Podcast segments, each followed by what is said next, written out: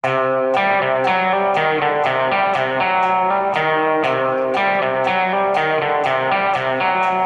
visste jeg at alle disse dagene som kom og gikk, de var selve uke fire. Da er det snart helg, Thomas. Det er det, vet du, Anders. Her er vi på hjemmekontoret igjen, da. Ja, ikke, ikke store forskjellen vil jeg si, på helg og vanlig, øh, vanlig hverdag lenger. Lufte litt mer i helgen. For altså, vi var, vi var knapt ute av studio forrige gang. Uh, før det altså Jeg trodde nå at nå gikk vi mot en sånn Nå var vi snart ferdig med en av disse lockdownene, og nå skulle det bli lysere tider, men eh, sånn var det ikke. Nei, nå, øh, nå dro det seg godt til. Men jeg må jo bare si, vi har jo snakket om disse mutasjonene allerede i mars og februar i vår podkast. Vi har hatt worst case-scenarioene ganske sånn tett oppe hele veien, det må man kunne si. Men øh, de har da blitt øh, hva skal vi si for noe, ikke fullt ut avvist, men delvis dysset ned av eh, de som nå sitter med dette i fanget. Ja, Dypstaten. Kall det hva du vil. Jeg syns ikke det hadde gjort noe om vi var litt mer føre var. Nei. Altså må jeg si at din hele føre var som du begynte lenge før, 13. mars. Du begynte på disse tider i fjor. å Og advare og snakke om både munnbind og, og eh, litt sånn reiseforbud og, og sånne ting. Og hadde myndighetene hørt på deg allerede da, Thomas, da kunne mye vært redda. Men det verste er at det, det var jo ikke noen geniale eller unike tanker, dette her. Det var bare at jeg hadde internett og hadde f.eks. hatt influensa før, da. Ja, nei, men Det er som Columbi-egg. vet du. Det er veldig lett etterpå å si at dette var ikke så vanskelig å forutse, men du forutså det allerede. Men du, nå da, Thomas. eh, Vi er i lockdown 3.0 eller et eller annet sånt. Hva irriterer deg mest nå? Nei, men nå, nå i forhold til, Eller hva bekymrer deg? Nei, altså nå Jeg så en sak på Finansavisen eh, hvor det var en kar som mente at du, vi kan bli kvitt denne pandemien på fire uker. Alle bruker munnbind og vasker hendene. Selvfølgelig litt forenklet sagt, men det virker jo ikke helt umulig. En del av de tingene som det var voldsom motstand mot i starten. Ja. Den munnbindbruken, f.eks. Men Er ikke folk ganske flinke nå? Ja, men har du ikke sett det? Altså, jeg bare skjønner ikke folk går rundt med munnbind, og så har de nesa utafor. ja, det, er, det skal jeg innrømme at jeg har sett noen ganger, ja. ja. Er det de samme menneskene som bruker kondom, men de klipper av tuppen? ja, de, de går med det. Kanskje, det- kanskje de tenker som sånn at de er litt skeptiske. Det var jo sånn i begynnelsen var det munnbind hjelper ikke og sånn. De er fortsatt litt skeptiske til munnbindet, men de kan gå med på sånn møtes på halvveien. Jeg tar munnen, men ikke nesa. Også de som har den enda verre under haken, som rett og slett ser ut som de bare holder på å slipe gulvet og har tatt seg en pause, fordi nå er det ikke støv i rommet lenger. Ja, det hender at jeg gjør selv. Hvis jeg er liksom sånn ute og går og skal inn i butikker, og sånn, så har jeg en klar under haka, så bare trekker jeg den opp sånn 'This is a robbery', ikke sant? Og så akkurat i det øyeblikket jeg kommer inn. Det, det er at du bare har den i alarmberedskap, Jo, men, i tilfelle en smittesituasjon skal oppstå. jo, men det som også er, er jo at eh, det fester seg jo potensielt virus i det, så jeg vil ikke drive og ta for mye på det og ta det opp og ned og sånn. Altså Hver gang du tar på noe, eller det kommer og samler seg ting i det, og så dytter du det opp og ned under haka og i trynet og sånn. Altså, På samme måte som en kondom. Det skal ikke noe ut av den. Den skal ikke brukes flere ganger. Nei, det er helt riktig. Det er helt riktig. Med mindre ikke man må jo kjøpe en sånn der flerbrukskondom, da. Det, når noen kommer opp med det. Finnes det? Nei, jeg vet ikke om miljøbevegelsen har klart å komme opp med det. Nei. Det er en utfordring for miljøbevegelsen i, i årene som kommer, men først tenker jeg at vi må bli ferdig med denne pandemien. Det er helt riktig, men samtidig så Når du ser eh, hvordan det går med menneskeheten nå, så tenker jeg at det er greit med litt eh, økt kondombruk også. Ja, Ja. ja. Og da kan vi ønske velkommen til en gjest som vi har hatt. Vi har prøvd å få han tidligere. En av de få som faktisk har sagt nei til oss, eh, Thomas. Ja, han, Playing hard to get. Veldig. Og det gjør jo selvfølgelig at han ikke blir noe mindre. Attraktiv. Og så må vi si at han hadde gyldig fravær òg, for han var faktisk en av de første i Norge som fikk eh, koronasmitte. I hvert fall av de offentlig kjente. Velkommen, eh, arbeids- og sosialminister Torbjørn Røe Isaksen. Tusen takk for det. Takk for det. Jeg prøver å være vanskelig tilgjengelig, sånn at eh, markedsverdien øker. Det er klart, men det går an å overspille den strategien også, og plutselig bare falle totalt i verdi, vet du. Ja, det er sant, men jeg er jo her nå. Det er du, og det er vi, det er vi veldig glad for. Du, du, det var et chicken race hvor du, hvor du vant, må, må vi kunne si.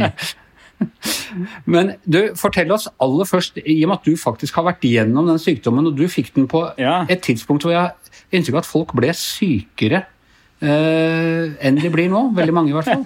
uh, ja, jeg vet ikke. Nei, jeg, jeg, eh, det vet jeg ikke, men jeg fikk det jo i mars. Jeg jo, det er vel som du sier, at jeg var jo blant de første. Og jeg ble ikke veldig syk, faktisk. Nei. Altså, jeg ble jeg, Ikke på noe punkt var jeg sånn at jeg under normale omstendigheter hadde vurdert å være borte fra jobb. Nei, Hvordan visste du da at du var syk? Eh, nei, jeg visste jo ikke det, egentlig. Så jeg, men det var, eh, det var en statssekretær her på kontoret, altså som er nestkommanderende da, kan du si, til, eh, til oss som er statsråder, som ble syk. Eh, og da testet jeg meg fordi vi hadde vært eh, nær hverandre.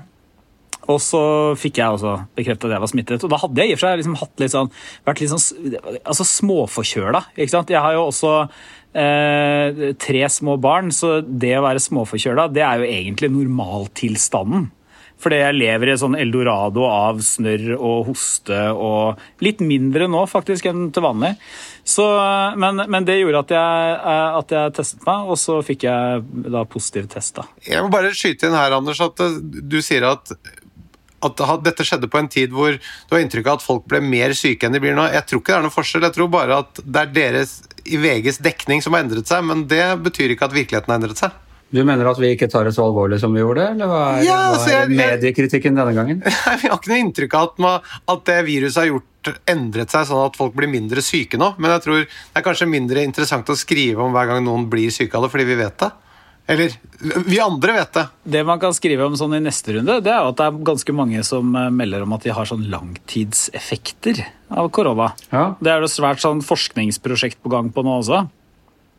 Så det er jo spennende, for det, det er jo eh, det, Eller spennende, det er også ganske skummelt. For det betyr jo at eh, altså folk melder om sånn En ting er lungekapasitet og sånt, men også at de har fått dårligere korttidsminne. At de har fått liksom sånn litt sånn ME-aktige plager, nesten. Altså sånn vondt i hodet eller sliten og utmatta og sånn. Så det kan jo i verste fall bety at eh, dette er for noen da, en sykdom som kommer til å sitte i lenge. Nettopp. Har du hatt noe sånt? Nei, jeg har egentlig ikke det. Eh, Så jeg Ikke som jeg kan huske, men det kan jo hende at jeg har dårlig korttidsminne. Kan være det som er rammet, ja. Men, men er du immun nå, tror du? Eh, Det vet man jo ikke helt sikkert, da. Så, så jeg, har, jeg har ikke antistoffer, det har jeg sjekket. Men så mener de et eller annet om at immuniteten kanskje ligger på cellenivå. Ikke spør meg om å utdype det. Men, eh, men uansett, så for alle praktiske formål, så er det, den der, det er en sånn grense på seks måneder. Eh, Og etter den så er du på lik linje med alle andre. Og det var ikke sånn at jeg, jeg, jeg føyk ikke rundt med en gang jeg var ute av isolasjon og klemte alle jeg kunne fordi jeg var immun. Men, men eh, du, Torbjørn, jeg må spørre deg, fordi eh, nå er det jo et nytt eh, nivå her eh, med den eh, britiske mutanten, blant annet. Ja. Og så lurer jeg på, er den lockdownen vi har nå, er den billigere enn om vi hadde vært strengere med importsmitten i høst? Vet du hva, det, det vet jeg ikke om noen har eh, regnet på, faktisk. Eh, men eh, jo, men det lages jo sånne scenarioer, da. Man, og det som viste seg faktisk, basert på det Hvis vi skal sammenligne hva vi trodde og hva vi vet, da. Så viser det seg jo at norsk økonomi har det faktisk gått bedre med enn vi fryktet i mars-april. Og hvis vi sammenligner oss med andre land som har blitt truffet av korona, som jo er nesten alle, så har det gått bedre med norsk økonomi enn med veldig, veldig mange andre. Så, så, så, så men, men det, er noe, det er nok ikke mulig å lage noe sånn eksakt vitenskap, men det vi vet, det er, liksom, det er to ting, da. Eh, Når vi tenker på denne liksom massive lockdownen som er nå på, på, i deler av Østlandet, der vi befinner oss. Og det ene er at vi gjør ikke dette fordi vi er sikre, vi gjør det fordi vi er usikre. Så det er egentlig usikkerheten som er begrunnelsen, ikke at vi vet akkurat hva som skjer. Det er for å få oversikt. Og det andre vi vet, sånn ganske sikkert i hvert fall, det er at eh, hvis man kommer for seint, så må tiltakene være strengere. Så sant man ikke da bare ønsker å slippe helt fritt, da, ikke sant? men det, det er det ingen som til nå har vågd seg på, med god grunn. Så, så, så det å heller ha strengere tiltak en kortere periode for å få kontroll, er bedre enn å la det rusle og gå litt, eh, og så, eh, og så måtte ha en massiv lockdown i større områder, eller enda verre ting, eh, når det eksploderer. Dette er jo en tankegang som jeg følger helt. Og det er den jeg bare lurer på om vi burde ha gjort det, den øvelsen litt tidligere, så vi hadde unngått å komme i den situasjonen vi er i nå. Ja, jeg, jeg skjønner altså, jeg, jeg tror det er en sånn overordna ting som, som bare alle eh, Som egentlig er åpenbart, men som er like greit å si igjen og igjen, det er at når vi skal sette oss ned, eller egentlig er det en uavhengig kommisjon, men når vi skal sette oss ned og gå gjennom alt det som har skjedd siden eh, i fjor og i år, så kommer det til å være masse ting som, hvor vi kunne gjort annerledes, eh, kunne vært eh, gjort bedre, det kunne vært gitt det vi vet i ettertid og etterpåklokskap, så kunne vi håndtert det annerledes. Men, men, eh, men det er verdt å huske da, at allerede 3. januar så kom det nye, strengere tiltak. Og For veldig mange tror jeg det var ganske uforståelig. for hvorfor Da var smittetallet hadde vært lavt gjennom jula. Eh, Det var ikke noe spesiell eh, eller i hvert fall det var ikke noe som akkurat der og da tydet på eksplosjon i smittetall. og Det har vi jo sett i uken etterpå, at smittetallet har holdt seg lave og gått ned. Men det var jo delvis begrunna med nettopp frykten for et sånt mutantvirus. Og tilsvarende så tror jeg Jeg tror nok det hadde vært vanskelig å Altså Tenk i fjor sommer, da, eh, hvor vi alle sammen følte oss sånn halvveis fri eh, en, eh, noen måneders tid. Så tror jeg det har vært vanskelig å si at nå skal vi holde på veldig eller strengere tiltak enn nødvendig, fordi kanskje i tilfelle kommer det noe. Det tror jeg rett og slett ikke hadde vært mulig. altså. Men, men du er vel, jeg tror du og jeg deler et sånn karaktertrekk, Thomas, og det er eh, litt sånn mild personlig nevrose, eh, som også oversettes til en sånn nevrose på samfunnsnivå. Det vil si at eh, jeg også tenker alltid at eh, de mest pessimistiske scenarioene er nok ganske sannsynlige. Nemlig. Så jeg, i, mitt stille sinn tenker jeg nå jo, men det kommer jo sikkert Hva om dette er den nye hverdagen vår? Hva om dette er, liksom, dette er livet vårt? Ikke at det er full lockdown, at vi må leve med nye virus som stadig vekk kommer, og nye mutasjoner, og på et eller annet punkt har vi ikke vaksine og sånn. Men eh, eh, det er vel en grunn til at de, de fleste mener vel ikke at det kommer til å skje, tror jeg. Men jeg, med vilje så sitter jeg ikke på kveldene og leser artikler om dette på, på nettet. Jeg stemmer for å få deg med din legning inn i regjeringens koronakommisjon og med mye taletid. Er det sånn at du kjenner en sånn dragende Vi kunne egentlig hatt sånn svartkledde, uniformerte koronavakter som marsjerte rundt på kveldene og passet på at alle fulgte koronareglene. Lengter du egentlig bare etter at staten skal ta sånn hardt, fast grep og fortelle oss at vi er på vei mot helvete, men eh, hvis, nå må vi ha orden? Nei. Ikke noe tull? Nei, det gjør jeg ikke, fordi jeg tenker at det er et fantastisk samspill som foregår mellom da publikum, som dere kaller oss, eh, og, og staten, der vi publikum er med på. Vi syns det er legitimt, og vi vil ha det. Vi ville ha skolestenging før dere gjorde det. Så vi er klare. Vi står parat. Det jeg egentlig bare vil, er bare at vi ligger lite grann foran, for i starten så var det jo f.eks. Da var det jo munnbind, har ikke noen effekt, det, det tror vi ikke noe på. Det å stenge grensen, det tror vi ikke noe på. Det smitter ikke mellom barn, det tror vi ikke noe på. Det var mye som ble sagt som var, har blitt annerledes, og jeg tenker at dette er ikke noe rocket science. Alle har blitt smitta av et influensavirus før. La oss bare tenke ganske sånn enkelt. Vi har minst mulig eh, importert eh, smitte, og vi bruker munnbind og holder avstand. Det er nok litt delte meninger blant publikum også der, eh, Thomas. Eh, Jo, men Er ikke, er ikke oppslutningen veldig god da fortsatt, Torbjørn? Det vet vel du? Jo, det, det, den er det, altså. Og jeg, og jeg tror, jeg tror eh, sånn i det store det er, jo liksom, det er jo to ting, da, hvis man skal være, gå litt sånn alvorlig til verk, så er det jo to ting som, som virkelig denne koronakrisen viser. og det viser at det, Når vi snakker om sånn, i festtaler snakker vi, vi har så høy tillit i Norge, og vi stoler på hverandre og sånn, som jeg for øvrig har en artig anekdote om, som jeg kan ta etterpå, så, så, så får det en sånn konkret manifestering i hvordan vi oppfører oss under koronakrisen. Fordi at selv om du ikke er enig i tiltakene som kommer, og selv om du forståelig nok kanskje er sint fordi at staten stenger ned butikken familien din lever av over natta, så, så, har du respekt for at sånn, sånn er det i samfunnet vårt. Og den andre tingen er jo at, er jo at vi, vi ehm, Altså, vi er eh, også i det små ganske lovlydige og autoritetstro, Ja. rett og slett. hva kom med den morsomme anekdoten nå? Eh, Det var, for noen år siden så var jeg i Georgia, altså ikke staten Georgia, men i eh, Sovjet, tidligere Sovjetrepublikken Georgia. Da fortalte jeg om at eh, partiene i Norge ble finansiert av staten. Og da, da satt vi i regjering, og så sa jeg sånn når vi sitter i regjering, så får jo Arbeiderpartiet og sosialistene og sånn, de får partifinansiering. Og så så han fyren på meg og så sa han But why? Som om vi var idioter. Hva Er dere helt duster? Nå har jo dere fått makten. Hvorfor driver dere og deler ut penger til opposisjonen? Hadde du et godt svar?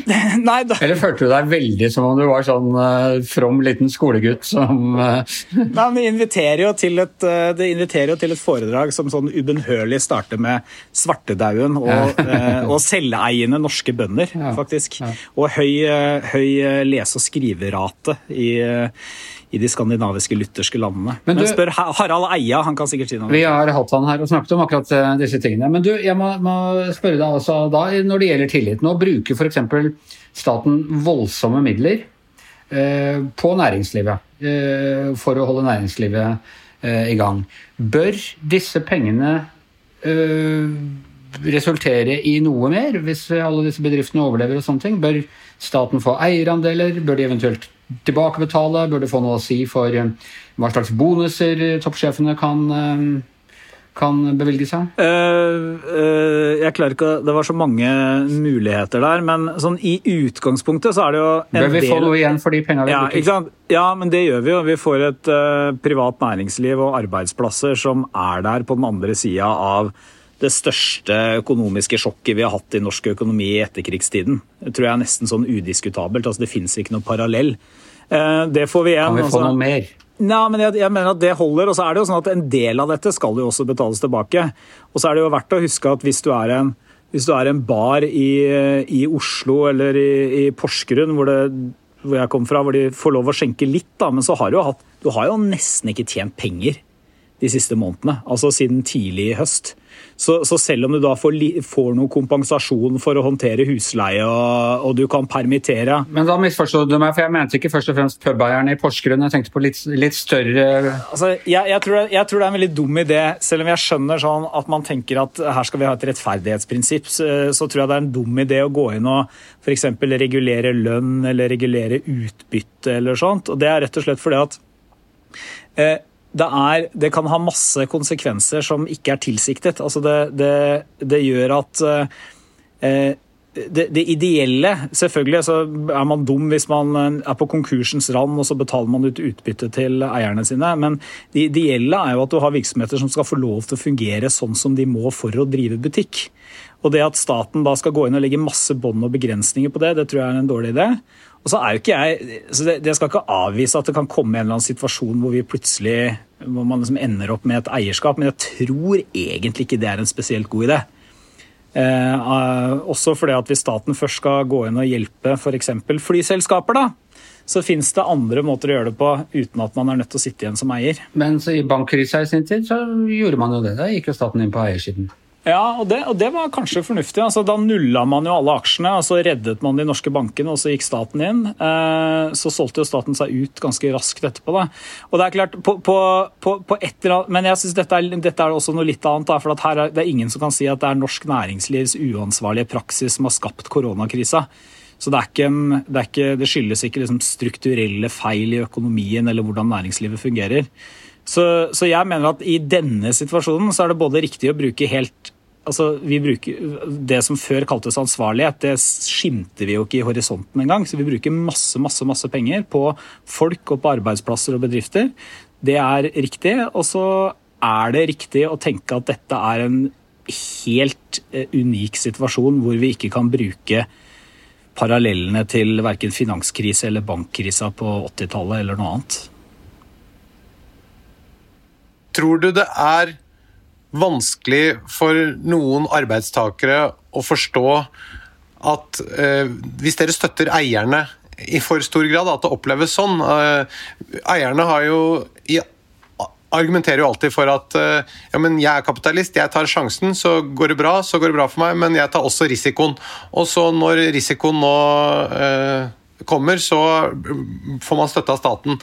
Hvor ligger risikoen da? Nei, jeg, jeg skjønner problemstillinga. Altså, det, det var mye diskutert i USA etter finanskrisen f.eks. Altså at du har privatisert profitt, men kollektivisert eller statliggjort eh, tap. Så, så, eh, så, og det er kanskje en viss parallell til norske bankkrisen på 80-tallet, som jeg er litt usikker på om er en referanse de fleste. Tydeligvis er det en referanse for Anders, i, i og for seg for meg også, selv om jeg var bare et barn da. Anders med sin høye alder eh, husker jo dette her. Jeg husker jo også 30-tallet og arbeidsledigheten. Men, eh, men men jeg mener at det er, det er, ikke den situasjonen vi har i dag. Altså, for Hvis du ser på de eh, selskapene og kjedene og sånn som får, som får koronakompensasjon og støtte, så er det jo stort sett bransjer som har hatt massiv nedgang i inntjeninga. De har måttet permittere tusenvis av mennesker. Eh, og, og spørsmålet er rett og slett om de skal være der eller ikke den dagen eh, vi begynner å gå på hotell og restaurant og bar og ha eventer og reise igjen. Det er riktig, men man kan jo se for seg at eh, det blir noen andre som driver de hotellene, men de går jo ingen steder. De bygningene står jo der, så det kan jo hende at man bare bytter eh, det, eiere, da. Ja, da det, jeg, jeg, er enig i det. Uh, og enhver økonom vil jo kanskje si det. ikke sant? Vi sier at det er ikke noe sånn at vi Nesten alle økonomer vil være enige om at selv om det er riktig å bruke ekstra penger nå, så vil de si at nå bruker vi for mye penger, og at det, er, det går helt fint om en del går konkurs nå under korona. for det den dagen vi begynner å gå på øh, restaurant eller ha event på hotell igjen, så kommer hotellene tilbake. Sånn er markedet. Men jeg, jeg apropos det vi snakket om i stad, så tror jeg sant, det er når staten stenger ned, og det er ikke fordi at staten vil, det er fordi at vi har en pandemi, så er det også rimelig at vi tenker på kompensasjon til arbeidstakere og bedrifter på en litt annen måte. Og Det skal sies at det vi bruker aller, aller, aller, aller mest penger på, desidert, det er jo penger til folk. Men det er fordi at det er det er så mange mennesker sammenlignet med bedrifter. Heldigvis. Spør du altså i den forbindelse for det, altså, det blir jo litt sånn situasjonsbestemt markedsliberalisme, dette her. ikke sant? At vi, ja, Det er veldig fint med markedsliberalisme når alt går bra, og trickle down-økonomi jeg vet ikke hva. Men, øh, men, når det ikke går så bra, så er det fellesskapet som må inn og ta. Og altså Allerede før pandemien så sitter jo du i den regjeringen, en Høyre-ledet regjering, som har hatt, satt alle rekorder for øh, offentlig bruk av eh, offentlige midler. Og du er jo også litt hva skal du si, eh, den ideologiske bibliotekaren i, i eh, Høyre, som Eh, husker helt tilbake til bankkrisen på 90-tallet, ikke 80-tallet. Ja, ja, der, der, ser du. Altså, jeg husker det jo ikke. Dette. Nei, ikke sant, du har blitt det fortalt. Men, eh, men, i hvert fall, som kan trekke linjene litt bakover. Hvordan ser du på Høyres historiske rolle i en, en, sånn situasjon som noen som bruker mer penger enn utgiftspartiene i Sosialistisk Venstreparti og Arbeiderpartiet? Nei, det er øh, Altså det, det, det fins jo en forklaring på det, selvfølgelig. På, og det er jo at det, har vært, vi, vi, har altså Siden 2013 så har vi håndtert egentlig tre kriser. Var, først var det oljeprisfallet, da brukte man ekstra penger. og Så kom flyktningekrisen, da brukte man ekstra penger. Og så er det nå koronakrisen. Og det som Min sånn kjepphest er ikke at man ikke skal bruke ekstra penger når det trengs, for det er av og til nødvendig, men det er at du er nødt til å gjøre det på en måte som gjør at du kan komme tilbake til normalen. Og Det er egentlig forskjellen på sånn, det, er helt, det er helt greit å, å, drikke hver dag. Eller det vil sikkert ikke helsemyndighetene si, men det er forskjellen. La meg formulere det på en annen måte. Det er greit å drikke hver dag eh, når du har eh, ferie, men hvis du bare fortsetter med det, så blir du til slutt eh, ganske avstumpa og dårlig. Eh, og Det er egentlig poenget her. Altså, det er helt greit å bruke ekstra penger, men hvis vi da bare legger oss til et veldig høy pengebruk som bare vedvarer, og vi klarer ikke å få det ned, så skaper det problemer. Hvorfor det? Jo, for at eh, det kan hende at om fem år så finner vi ut at vi må, vi, det, er barnehager og skole. Det er det vi må løfte nå.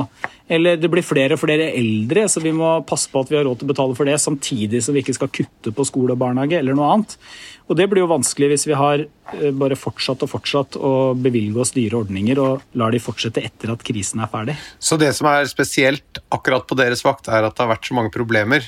Så derfor måtte du bruke litt mer penger når dere satt i regjering. Mens når de andre sitter i regjering, da er det ikke problemer, så da trenger ikke å bruke det... penger. Er det sånn? Jeg, jeg, hører at det ikke er et valgkampslagord, men, eh, men, eh, men jeg, altså det, er jo, det, det, er jo, også må, Siden dere først graver litt i dette, så er det jo verdt å si at hvert eneste år så har det vært Vi har vært milevis unna uh, grensen for handlingsregelen. Eh, den er blitt senket fra 4 til 3% hva, altså banen, som betyr hva, hva, kan man på sikt, eller hva skal man ligge på av det man tar ut av, av pensjonsfond utland. Det er jo fordi fondet har steget så mye at du kan Ja, men det, også, det betyr jo også at eh, grensen for hva man kan gjøre i handlingsregelen over tid, er blitt eh, strammere. Men det har blitt brukt mye penger, og det skyldes nok først og fremst kriser, men det har ikke vært noe mangel på penger for andre ting. Så jeg tror hvis du spør Høyre-folk flest, så er det den anklagen de de som føler seg mest ukomfortable med, det er ikke når noen på venstresida venstre sier at nå er alt brutalisert og det har vært kutt og nedskjæringer overalt. Det er nok de som sier, som Anders nå gjør seg til talsmann for Dagens Næringslivs kommentarredaksjon, og sier eh, det har jo ikke vært noe, det har jo bare blitt brukt mer penger hele tiden. Ja, nei, jeg syns det er viktig at Dagens Næringsliv også har en stemme inn i denne podkasten og ikke blir, eh, ikke blir overhørt. Et annet litt sånn stort uh, spørsmål som jeg har lyst til å høre med deg om, det er uh, arbeidsmiljøloven. Fordi den uh, ble jo sånn formet og skrevet på 70-tallet, og så har den jo vært revidert selvfølgelig opp igjennom. Men den ble jo skrevet i en tid der man kom på jobben, og så var man stasjonær der.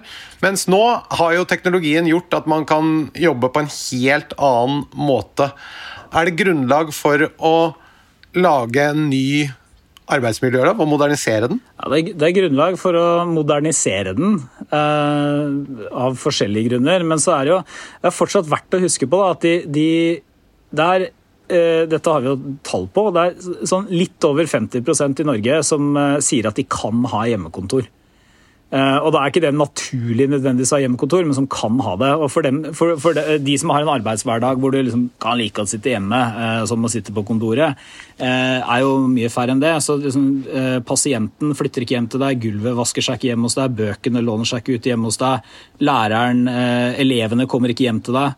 Så de aller fleste er fortsatt avhengig av å være på jobb. Og så, er det bare verdt å ha med seg arbeidsmiljøloven. Den skal gjøre to ting som er veldig vanskelige. for den skal både gi beskyttelse til de som faktisk trenger loven.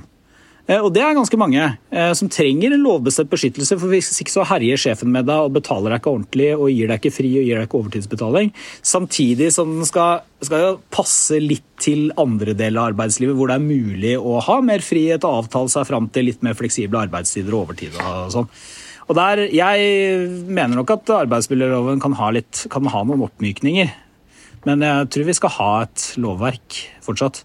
Så kan jeg, gå, jeg skal ikke holde miniforedrag om hjemmekontor og sånn, men der er det også masse problemstillinger, da, selvfølgelig. Jeg tenker også på en sånn situasjon der man nå har mer handel med ulike tidssoner, f.eks. Hvis du lager et eh, norsk teknologiselskap, og så skal de ansatte selge og jobbe med, fra et hovedkontor i Oslo, da blir jo den tidssoneproblematikken vil jeg anta er eh, relevant der. Eh, og Det er helt åpenbart at for mange, for mange virksomheter, eh, oppstartsvirksomheter eller andre, så, så, pass, altså, så, passer ikke arbeidsmiljøloven i det hele tatt. Og så er det sånn at Arbeidsmiljøloven er litt smartere enn som så. For den, den, sier at du kan, du kan nemlig avtale deg fram til mer liberale arbeidstidsordninger. da.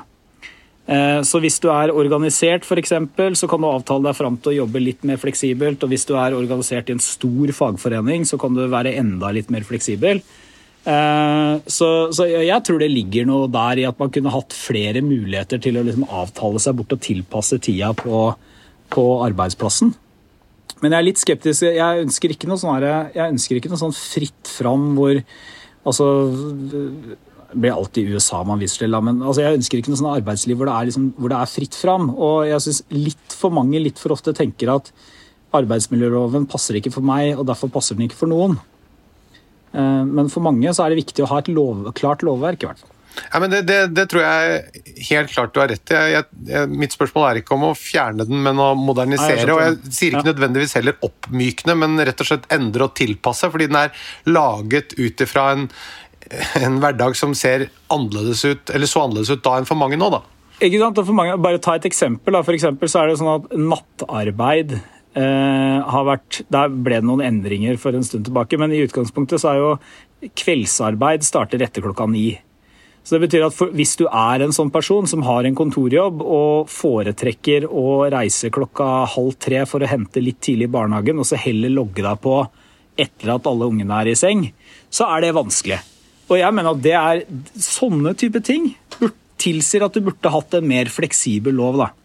Ja, det, det, det, er eksempel på det, og jeg, jeg tenker også da nettopp at det er vel et ønske også å bevare en del av de arbeidsplassene i Norge, eller skape nye av den type arbeidsplasser i Norge, fremfor at bedriftene bare ansetter folk i andre land til å, til å gjøre det der. da. Ja, definitivt. Og så tror tror jeg også en, en, en, en, godt kjent hemmelighet da, det er at nettopp fordi at lovverket ikke passer for veldig mange. Altså, Ta en typisk oppstartsbedrift da, hvor, hvor kanskje Kanskje de ansatte har lav lønn, men opsjoner isteden. For det er den eneste måten du kan tiltrekke deg folk på, er å love dem en del av oppturen hvis den kommer. Eh, som jo ikke er relevant for mange, men for noen så er det viktig. Og det er viktig for å få gründerbedrifter opp. Så, så er liksom ikke første spørsmålet du kan stille, det er eh, eh ja, Følger dere eh, arbeidsmiljølovens eller alle disse bestemmelsene? Altså, det er liksom ikke det mest relevante spørsmålet for alle akkurat der og da. Så jeg syns at et veldig godt argument igjen da, for, å, for å tilpasse og myke opp loven og gjøre den mer fleksibel, det er også at hvis du har et lovverk som i mange tilfeller ikke blir fulgt, men bare er der på papiret, så gir det egentlig ikke den reelle beskyttelsen det skal. Så jeg er veldig åpen for Jeg tror ikke vi får, eller jeg er helt sikker på at vi får ikke gjort noe, gjort noe med det nå eh, før, før, sommeren eller før valget eller noe sånt. Men jeg, Høyre har jo alltid vært for at man skal liksom myke opp, så er det et spørsmål om hvor langt man skal gå. Jeg er ikke blant de mest sånn ytterliggående der, på noen som helst måte, men noen oppmykninger og litt mer fleksibilitet eh, tror jeg hadde vært eh, smart. Men du, vi må spørre litt om uh, den norske fremtidige politiske situasjonen også.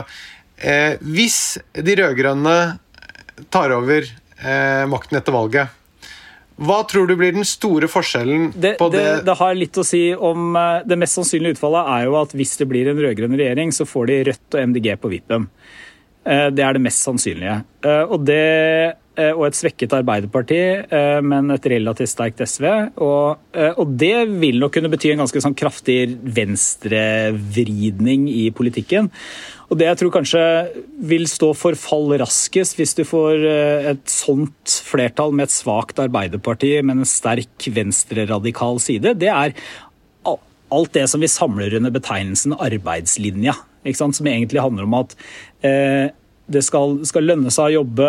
Eh, offentlige ytelser skal være der når du trenger det, men de må ikke være så høye at du tjener mer på å stå utafor arbeidslivet enn en som jobber som barnehageassistent eller, eller renholder eller i et annet lavtlønnsyrke. Eh, og det tror jeg man kanskje kan gå litt sånn dårlige dager i møte på mitt område, da, hvis det kommer en ny regjering. Men jeg, jeg tror ikke, å, siden jeg tulla og, og var som Trump, så, så tror jeg jo Norge fortsetter å være et godt land, også om det blir regjeringsskifte. Tror du på Vedum eller Gahr Støre som eh, statsminister? Nei, Jeg tror på Gahr Støre som statsminister. Altså, jeg, jeg tror eh, alle, alle liksom nøkterne analyser tilsier nok det. Eh, eh, også fordi det er såpass lenge til valget. Men jeg tror, det, jeg tror er, sjansen er veldig stor for at du får et sterkt, sterkt svekket Arbeiderparti som går inn i en ny regjering. Men nå trekker du fram, og det gjorde Erna Solberg, og da vi snakket med henne, trakk fram MDG og Rødt. Men det er jo Senterpartiet som er den eh, største gorillaen i det menangeriet. Ja, det er ikke noe tvil om det. At Senterparti-gorillaen, eller Senterparti-norske ku Hva var det for noe? Norsk rødt fe. Norsk rødt fe Kua ja. er den desidert største. Eh, og det også vil jo selvfølgelig påvirke regjeringas politikk. Og akkurat nå, det tror jeg vi kommer til å se mer av fram mot valget, at man blir mer opptatt av hva er vekt hva er forskjellen på vektlegging mellom Senterpartiet og Arbeiderpartiet? Eh, og, og det er, En ting er sånn de åpenbare tingene som EØS og sånn, men Senterpartiet har jo også En interessant ting er jo at Senterpartiet har det siste året markert seg som et veldig skarp kritiker av veldig mye av det som skjer i klimapolitikken. Eh, der, eh, og er mot veldig mye av det. Og det kommer til å bli en bombe Eh, minst like vanskelig som den har vært for Frp og oss andre i denne, disse to periodene, kommer det til å bli med da Senterpartiet og de andre. Men hvem eh, foretrekker du som statsminister av Gahr Støre og Vedum, hvis du må velge? Nei, må jeg, må jeg, velge, må jeg velge mellom de? Nei, vet du hva, jeg har, jeg har Det er egentlig Altså, jeg eh, Ok, hvis jeg skal velge, så må jeg få ha med resonnementet, da. Altså, Jeg håper jo ikke at Arbeiderpartiet gjør et eh, supert valg. Jeg håper ikke at det blir regjeringsskifte og skal gjøre mitt for å unngå det. Men jeg syns jo sånn i sum så har det en verdi i Norge og de fleste land at man har hatt litt sånn helhetspartier til høyre og venstre. På den annen side det skulle tilsi større, på den annen side så er jo ikke Senterpartiet Det høres ut som de er liksom en, slags sånn grasrotdugnad som plutselig har oppstått og slengt noen bønder inn på Stortinget. Senterpartiet er jo et maktparti de luxe i Norge.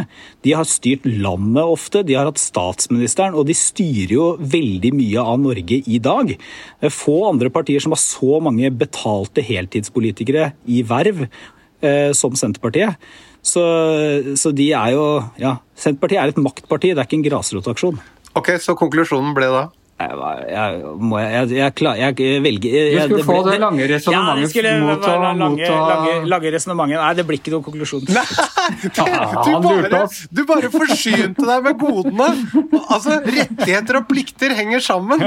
Men vet du, dette, dette lærte jeg da jeg prøver å få barna mine til å ta tran. Og så sa, sa første tre ukene så sa datteren min sånn Jeg skal ta det etter at jeg har uh, spist frokost. Det Går ikke, vet du. Nei. Alltid før du får noe som er godt, så må du ta tran, ikke etterpå. Her sitter jeg med en voksen mann, en ansvarlig politiker, så jeg tenkte at jeg ikke trengte å si sånn Ja, du kan få komme med resonnementet, men du må si først hvem du velger. Så, så, på hugget var jeg ikke, rett og slett. Nei. Det er derfor, det er derfor du er i podkast og ikke leder debatten på NRK. For Fredrik Solvang ville aldri godtatt dette her. ok. Han tok innersvingen på oss der. Uh, det må jeg bare uh, si. Thomas. At så snytt er det sjelden jeg har følt meg. Ok, men da har vi lært det til neste gang. Eh, det er, flere av dine kolleger som vi ennå ikke har vært, eh, og de skal ikke Og hvis de klager over behandlingen, da, da skal de få vite hva det kommer av. Um, du, helt til slutt, Vi er jo veldig opptatt av å, å putte penger inn i økonomien. Selvfølgelig, Så vi pleier å diskutere helt til slutt om vi har kjøpt noe siste uka. Uh, og Nå har jo butikkene vært stengt stort sett siste uka, så vi kan si siste ukene. Eh, som ikke er sånn eh, nødvendige dagligvarer, men som bidrar til å holde hjula i gang. Eh, jeg tror svaret mitt er nei, faktisk. Du har ikke kjøpt noe? Nei. jeg, har ikke kjøpt, har ikke kjøpt noen ting som bidrar til altså annet enn dagligvarer og sånn. Nei. Jeg, har vurdert, jeg hadde egentlig tenkt å kjøpe en ny sånn bukse på januarsalget. Men så stengte det før jeg rakk det. Nei, da, er, da må vi klare oss uten uh, Ødela jeg den spalten av? Ja. nei, nei, nei, fordi Thomas skal fortelle hva han har kjøpt. Nei, vet du hva, altså, jeg eh, gikk jo da eh, sammen med sønnen min opp, for han hadde lyst til at vi skulle kjøpe sånn eh, kamera til computeren hans. Eh, sånn at eh, det var vi på vei for å kjøpe. Men Elkjøp er jo stengt. Så rett og slett, det ble ikke noe penger inn i økonomien fra, eh, fra meg. Jeg regner med at eh, staten, at dere nå sender de penga til Elkjøp i form av støtte, istedenfor at eh, jeg går og handler der. Og jeg har investert i den eneste butikken annet enn dagligvarer som jo er oppe. Den var riktignok stengt på lørdag, men den åpna igjen på mandag. så... Jeg har brukt pengene mine der denne uken. Og hva, hva, kjøpte du, Anders? Nei, du, Jeg kjøpte en kartong. Eh, du vet, Mot helgen så pleier jeg å spørre deg om råd og hva, hva, skal jeg ha, hva skal jeg ha til helgen, men nå var det mer liksom det var litt mer sånn dagligvarepreg òg, for nå, så nå kjøpte jeg en kartong italiensk vin for, uh, for å komme gjennom uka. Ok, eh, med det så er Giæver og gjengen over for denne gangen. Eh, I eh, hvert sitt hjemme, eller Thomas Giertsen i hjemmestudio, arbeids- og sosialminister Torbjørn Røe Isaksen på jobb. Jeg heter Anders Giæver, og produsent Magne Antonsen. Godt pakket inn i munnbind fra topp til tå, et hemmelig sted på Østlandet. Ha en god helg.